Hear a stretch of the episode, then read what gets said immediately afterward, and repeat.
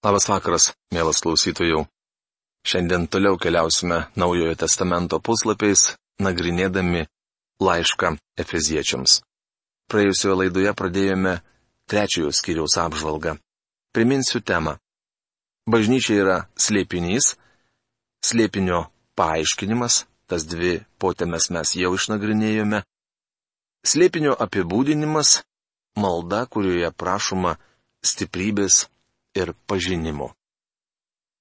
O dabar pasimelskime. Dangiškasis tėve, mes dėkojame tau, kad tu iki mūsų laikų išsaugojai šį brangų žodį. Dėkojame tau už tai, kad tu viešpatė mokinimus ir duodi atsakomybę skelbti jį. Prašau, kad tu pateptum mano lūpas, kad aš kalbėčiau tik tai tai, ką tu nori pranešti. Ir kad kiekvienas klausantysis galėtų išgirsti taip, kaip turėtų keistis jo gyvenimas priklausomai nuo tavo žodžio, bet ne mūsų žmogiškų išmislų. Dėkojame tau už jį ir prašome palaiminimo šiam laikui Jėzaus vardu. Amen. Taigi slėpinio apibūdinimas kuris ankstesniems žmonių vaikų kartoms nebuvo paskelbtas taip, kaip jis dabar dvasios atskleistas jo šventiesiems apaštalams ir pranašams. Pagonis kartu su žydais yra paveldėtojai, vieno kūno nariai ir dalininkai pažado Kristuje Jėzuje per Evangeliją. Efeziečiams laiško trečios kiriaus penkta šešta eilutės. Paulius čia aiškiai sako, jog tai buvo apreikšta ne jam vienam. Jis paaiškina, ką vadina slėpiniu. Tarp ankstesnių žmonių vaikų kartų ir apaštalų bei pranašų yra didelis skirtumas. Niekas Senojo testamento laikais nežinojo apie bažnyčią, bet štai dabar jie prieškiama šventiesiems Dievo paštalams. Jie šventieji, nes Dievas atskiria juos šiai tarnystei. Pranašai, kuriuos šiame laiške minė paštalas be bejonės yra Naujojo testamento pranašai. Šventoji dvasia yra šios lėpinio mokytojas. Viešpats Jėzus kalbėdamas mokiniams apie šventosios dvasios ateimą žadėjo. Visa, ką tėvas turi, yra mano, todėl aš pasakiau, kad ji ims iš to, kas mano, ir jums tai paskelbs. Jono Evangelija 16 skyrius 15 eilutė. Kas iš tikrųjų yra slėpinys? Tai nėra faktas, jog bus išgelbėti pagonys. Senajame testamente buvo aiškiai sakoma, jog pagonys bus išgelbėti. Leiskite pacituoti jums kelias šventojo rašto ištraukas. Ta diena Jesės šaknies padarytos ženklų tautoms ieškos pagonis, nes jos buveinė bus šlovinga, rašoma Izaijo knygos 11 skyriaus 10 eilutėje. Izaijo 60 skyriaus 3 eilutėje skaitome. Tautos ateis prie tavo šviesos ir karaliai prie tavo tekančio spindesio. Dar Izaijas rašė, aš viešpats pašaukiau tave teisumo pergaliai, paėmiau tave už rankos, aš sukūriau ir padariau tave, tautos sandūra, tautų šviesa. Izaijo 42 skyriaus 6 eilutė. Apie tai užsimena ir Zacharijas. Ta diena daugiančių prisidės prie viešpaties ir jos bus mano tauta, o aš gyvensiu tarp jų. Tuomet tu žinosi, kad galybių viešpats siuntė mane pas tave, rašoma Zacharijo antros kiriaus 15 eilutėje. Malachijo knygoje skaitome, juk nuo saulės patekėjimo lygi nusileidimo mano vardas didis tautose. Visur smilkalai ir švarios atnašos aukojamos mano vardui, nes mano vardas didis tautoms, sako galybių viešpats. Malachijo knyga pirmas skyrius vienuolikta eilutė. Jei slėpinys nėra tai, kad pagonys bus išgelbėti, tuomet kas? Atidžiai paklausykite. Slėpinys buvo tai, kad pagonys ir žydai įgyjo tą patį pagrindą. Per tikėjimą Kristumi tiek vieni, tiek kiti buvo sujungti į naują kūną - bažnyčią. Šio naujo kūno galva - Kristus. Taigi dabar žmoniją galima suskirstyti į tris grupės. Daugiau nei 2000 metų nuo Adomo iki Abromo laikų visi žmonės buvo pagonys. 2000 metų nuo Abromo iki Kristaus žmonės buvo arba žydai, arba pagonys. Nuo sėkminių iki bažnyčios paėmimo iš pasaulio kol kas beveik 2000 metų, visus žmonės galima suskirstyti į žydus, pagonis ir bažnyčią. Paulius paminėjo šias tris žmonių grupės pirmo laiško korintiečiams dešimtame skyriuje trečioje eilutėje. Jis rašo, nepiktinkite nei žydų, nei graikų, nei Dievo bažnyčios. Iš šias tris kategorijas galima suskirstyti visą žmoniją. Iš tikrųjų, pati bažnyčia Senajame testamente neminima, tačiau ten galima rasti jos simbolių. Kai Kristus sakė, ant tos uolos aš pastatysiu savo bažnyčią, mato Evangelijos 16 skyriaus 18 eilutė, tai buvo dar ateityje. Bažnyčia gimė sėkminių dieną, kai Kristus jau buvo sugrįžęs į dangų. Jei sakote, kad bažnyčia atsirado vėliau, vadinasi tvirtinate, jog ji buvo panaši į Siamo dvynius, tai yra vienu metu egzistavo ir žydų ir pagonių kilmės tikinčiųjų bažnyčios. Tiesa, iš pradžių bažnyčią sudarė vien žydai, tačiau tai buvo pereinamasis laikotarpis, kol jos nariais tapo ir pagonys. Bažnyčia - vienas kūnas, kurį sudaro ir žydai, ir pagonis. Šio kūno galva - Kristus. Aš tapau Evangelijos tarnu dėl Dievo malonės dovanos, kuri buvo man duota jo galybės veikimu. Efeziečiams laiško trečios kiriaus septinta eilutė. Paulius netvirtina turys ypatingų žinių apie slėpinį, remdamasis tuo, kad yra pagonio paštalas.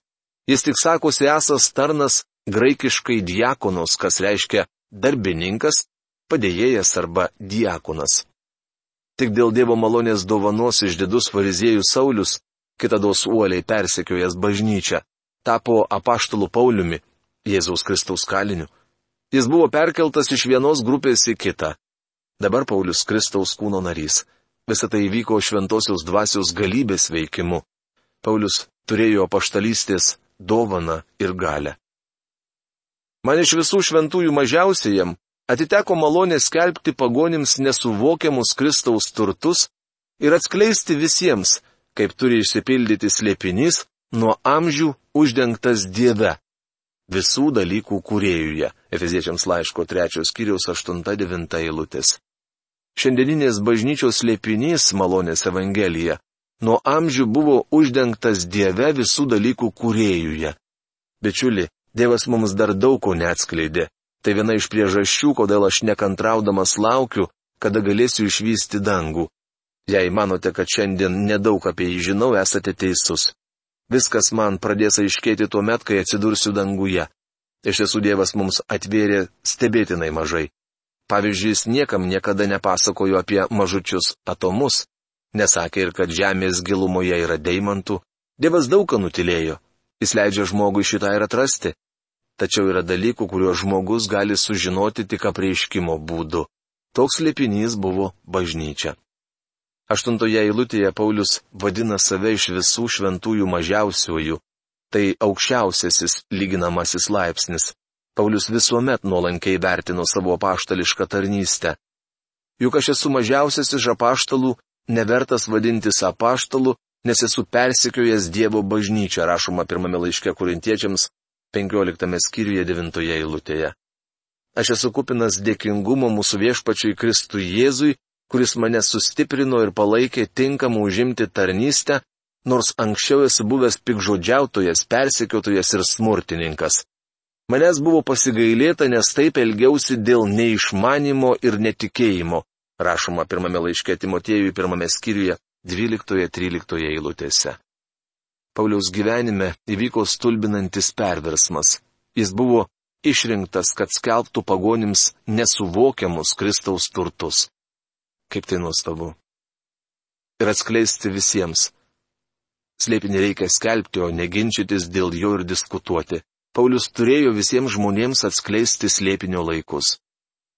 Kad dabar per bažnyčią taptų žinoma kunigaikštystėms ir valdžioms, danguje daug geriau padėvo išmintis tai atitinka amžinai nutarimą įvykdytą mūsų viešpatyje Kristuje Jėzuje. Efeziečiams laiško 3 skyriaus 10-11 eilutės.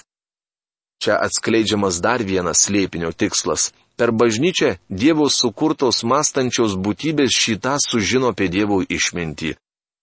Maža to, kad angelai mato Dievo meilę, kurią jis dosniai išliejo mums. Per bažnyčią jiems atsiveria Dievo išminties gelmės. Jį tikėdami mes drąsiai ir su pasitikėjimu einame prie tėvo. Efeziečiams laiško trečios skyriaus dvylikta eilutė. Mes pagonys kartu su bažnyčios persekiotojų Pauliumi dabar galime kreiptis į Dievą ir artintis prie jo. Tai įmanoma per Kristų. Todėl aš prašau nenusiminti dėl mano vargų jūsų dėliai, nes jie yra jūsų garbė. Efeziečiams laiško trečios skyriaus 13 eilutė. Apaštalas sako, todėl prašau nenusiminti dėl mano kentėjimų jūsų labui, jie yra jūsų garbė. Dėl didžių slėpinio tikslų, kuriuos išvardijo Paulius, jis pasirengęs kalėti kaip pagonio apaštalas. Paulius nenorėjo, kad efeziečiai liūdėtų, mat jo įkalinimas buvo jam pačiam į gerą. Dabar aš džiaugiuosi savo kentėjimais už jūs ir savo kūnę papildau, ko dar trūksta, Kristaus vargams dėl jo kūno, kuris yra bažnyčia. Rašoma kolosiečiams laiško pirmos kiriaus 24 eilutėje. Maldoje prašoma stiprybės ir pažinimo. Dėl to aš klaupiuosi prieš tėvą. Efeziečiams laiško trečios kiriaus 14 eilutė. Kodėl jis tai darė? Ar dėl to, kad labai rūpinosi efeziečiais? Apaštalas norėjo, kad jie suprastų didžią šių laikų tiesą ir Kristuje Jėzuje patirtų visus jo malonės turtus. Štai apie ką prieš tai kalbėjo Paulius. Todėl nuo pirmos iki keturioliktos eilutės jis padarė ekskursą į šalį. Mes jau minėjome, kad Paulius buvo maldingas vyras.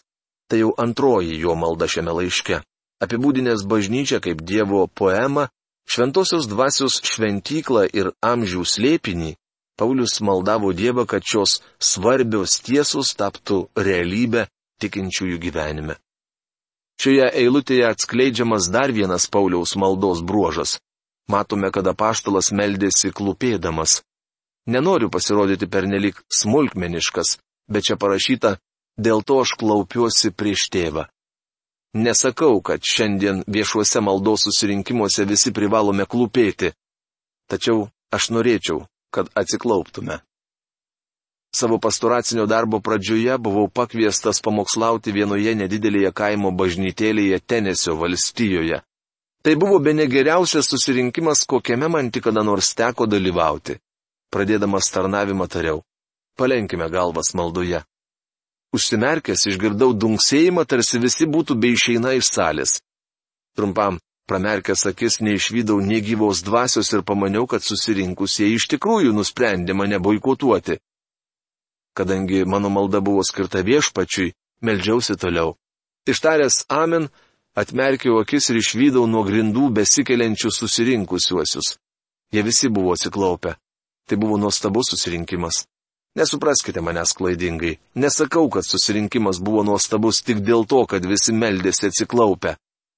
Bet tai labai padėjo. Mūsų naujose bažnyčiose, kur kilimais išklotoje salėje stovi minkštos patogios kėdės, formalumas ir rituališkumas užgožia mūsų santykius su viešpačiu. Manau, kad mūsų bažnyčiose trūksta ne tik paprasto artumo tarp tikinčiųjų, bet ir pagarbos Dievui, ypač kai melžiamės. Mes turėtume užimti deramą padėtį savo kurėjo akivaizdoje, sukniupti prieš jį. Taip meldėsi Paulius. Man irgi visuomet atrodė, kad tokia padėtis tinkamiausia. Turiu pripažinti, kad šiandien nebesimeldžiu kaip kitado sukniubęs ant grindų savo studijų kambarėlyje, nes sergu artritu. Stebėtina, bet atsiklaupus, melstis daug lengviau. Manau, tai naudinga žmogui. Nenoriu jūsų įtikinėti, tik atkreipiu jūsų dėmesį į tai, kaip meldėsi Paulius. Manau, šiandien mums jis yra geras pavyzdys. Beje, argi mums nesakoma, kad mūsų viešpats Getsemanės ūkija parpuolė kniupšės? Manau, mums taip pat dėrėtų pulti kniupstiems prieš Dievą. Man regis svarbu atkreipti dėmesį į dar vieną dalyką. Skaitome, kad Paulius meldėsi Dievui tėvui. Taip pat pastebėsime, kad pirmos kiriaus 17 eilutėje jis meldėsi mūsų viešpatės Jėzaus Kristaus Dievui. Manau, kad ir mes turėtume visas maldas siūsti Dievui tėvui mūsų viešpatės Jėzaus Kristaus vardu. Kas nors galbūt paklaus, ar tai ne per daug smulkmeniška? Paklausykite, ką sakė viešpats Jėzus. Ta diena jūs manęs nieko neklausinėsite. Iš tiesų, iš tiesų sakau jums, jei tik prašysite tėvą mano vardu, jis duos tai jums. Jono Evangelijos 16 skyriaus 23 eilutė. Mokiniai su viešpačiu vaikščiojo trejus metus. Manau, daugeliu aspektų jie priminė burelį vaikų. Spėju, kad jie dažnai prašydavo, duok man, duok man, duok man.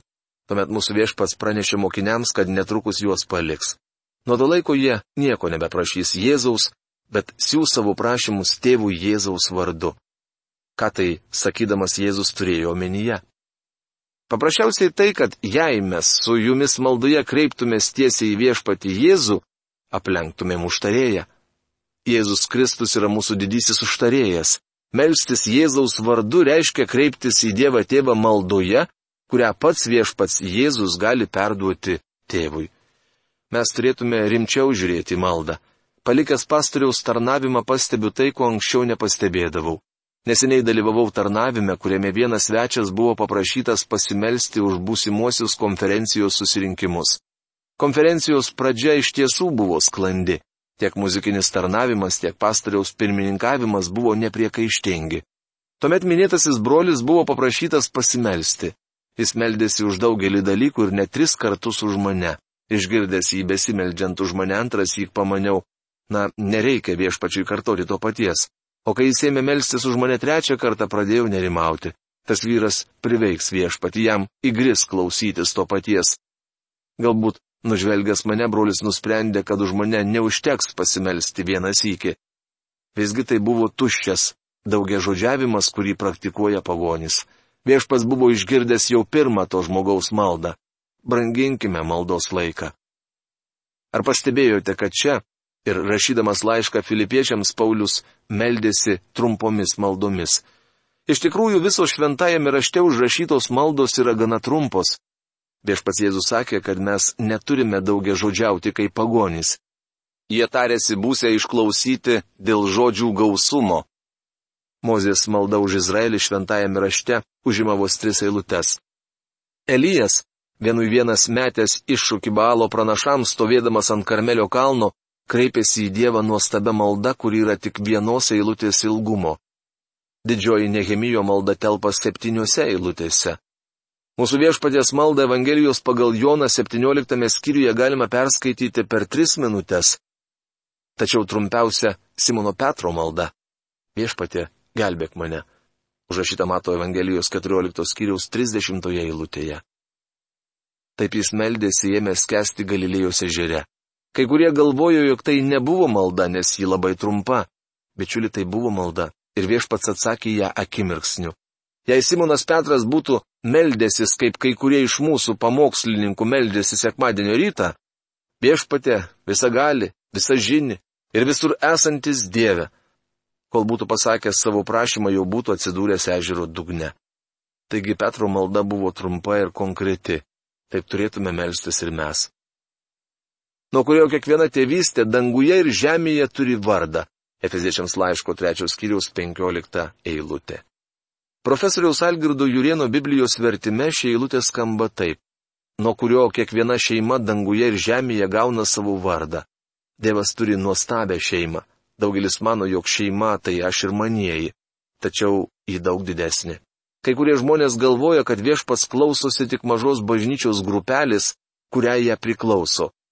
Kitų nuomonė šventieji yra tik jų bažnyčia. Dar kiti mano, kad Dievo šeima yra jų denominacija. Kiti tvirtina, kad Dievo šeimą sudaro tik bažnyčia, tai yra tie, kurie buvo ar bus išgelbėti nuo sėkminių dienos iki to laiko, kai bažnyčia bus paimta iš pasaulio. Bičiuli, Dievas gelbėjo žmonės daug anksčiau, nei atsirado bažnyčia. Gelbės juos ir po to, kai bažnyčia bus paimta iš jo žemės. Bet o Dievas turi ir kitų šeimos narių. Angelai taip pat priklauso jo šeimai. Dievo valdžioje yra nesuskaičiuojama daugybė sukurtų, mąstančių būtybių, kurias matė apaštalas Jonas. Kad iš savo šlovės lobio suteiktų jums stiprybės jo dvasios gale sutvirtinti jumise vidinį žmogų, kad Kristus per tikėjimą gyventų jūsų širdyse ir jūs, įsišaknyje ir įsitvirtinę meilėje, galėtumėte suvokti kartu su visais šventaisiais, koks yra plotis ir ilgis, ir aukštis, ir gylis, ir pažinti Kristaus meilę, kuri pranoksta pažinimą, įdant būtumėte pripildyti visos Dievo pilnybės. Efeziečiams laiško 3 skyriaus 16-19 eilutės. Reikėtų atkreipti dėmesį, kad čia Paulius vėl sako ne iš savo šlovės lobio, kaip skaitome kunigo Česlovo Kavaliausko vertime, bet pagal savo šlovės turtus, kaip verčia profesorius Algirdas Jurienas. Jei jis būtų davęs mums stiprybės iš savo turtų, būtų panašus į poną Rockefellerį, kuris paukodavo Elgetai dešimtį centų. Paulius meldžia Efezo tikintiesiems keturių dalykų. Pirmasis. Jis prašo, kad Dievas duotų tikintiesiems sustiprėti jėga, tai yra gale per jo dvasę vidinėme žmoguje. Malda stiprina ir fizinę, ir dvasinę tikinčiojo prigintį, bet labai dažnai ignoruojamas dvasinis žmogus ir visas dėmesys skiriamas fiziniam. Paulius meldžiasi už vidinį žmogų, nes žino, jog išorinis žmogus sunyksta. Galia reikalinga tam, kad žmogus galėtų gyventi krikščioniškai, aukti malonė ir bręsti. Visa tai šventosios dvasios darbas. Antrasis. Toliau Paulius meldžia, kad Kristus per tikėjimą gyventų jūsų širdyse. Tai yra, kad mes laikytumės Kristaus nusistatymu. Jūs manyje ir aš jumise. Paulius galėjo sušukti, gyvena manyje Kristus, Galatams laiško antros kiriaus 20 eilutė.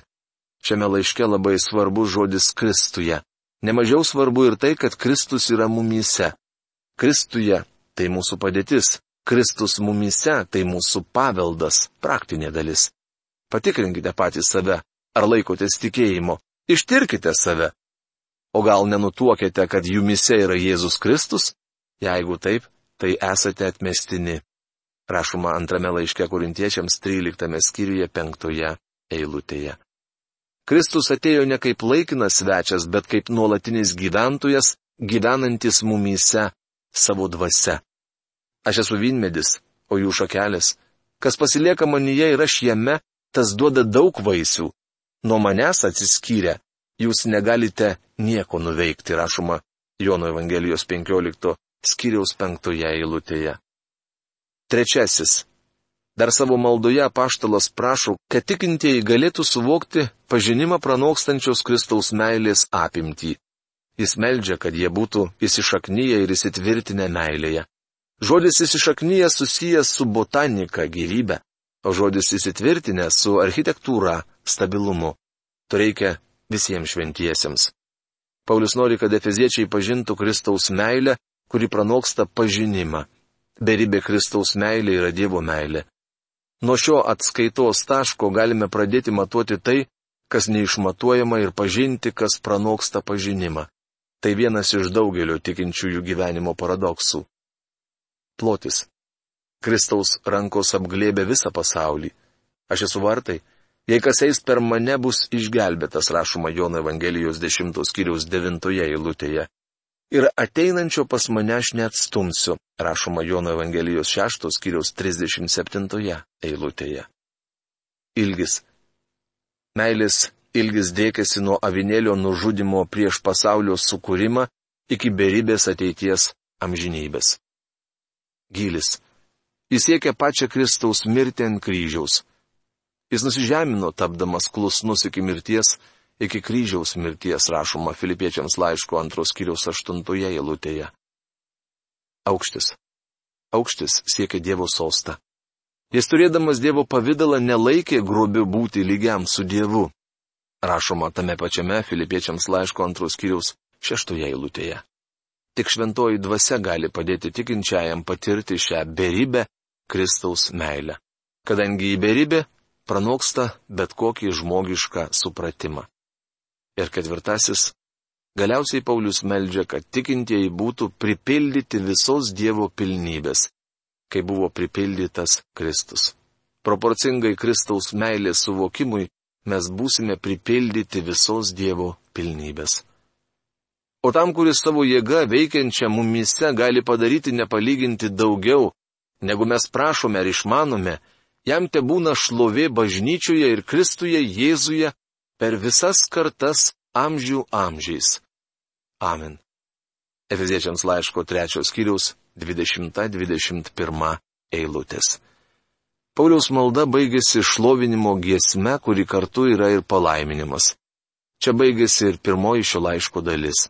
Tai nepaprastas dvasinio šlovinimo protrukis, kurį bet koks komentaras tik apjuodintų. Mes galime vos pirštų galiukais prisiliesti prie tų dvasinių dovanų, kuriomis Dievas pasirengęs apipilti savuosius. Kaip tai nuostabu, jis nori apdovanoti mus apšiai. Koks jis geras ir kokie mes maži, net nepajėgiame priimti visų jo palaiminimų. Mėlyjei, kitoje laidoje mes pradėsime ketvirtos skyriaus apžvalgą, o šios dienos laidą baigiame. Iki malonaus sustikimo. Sudė.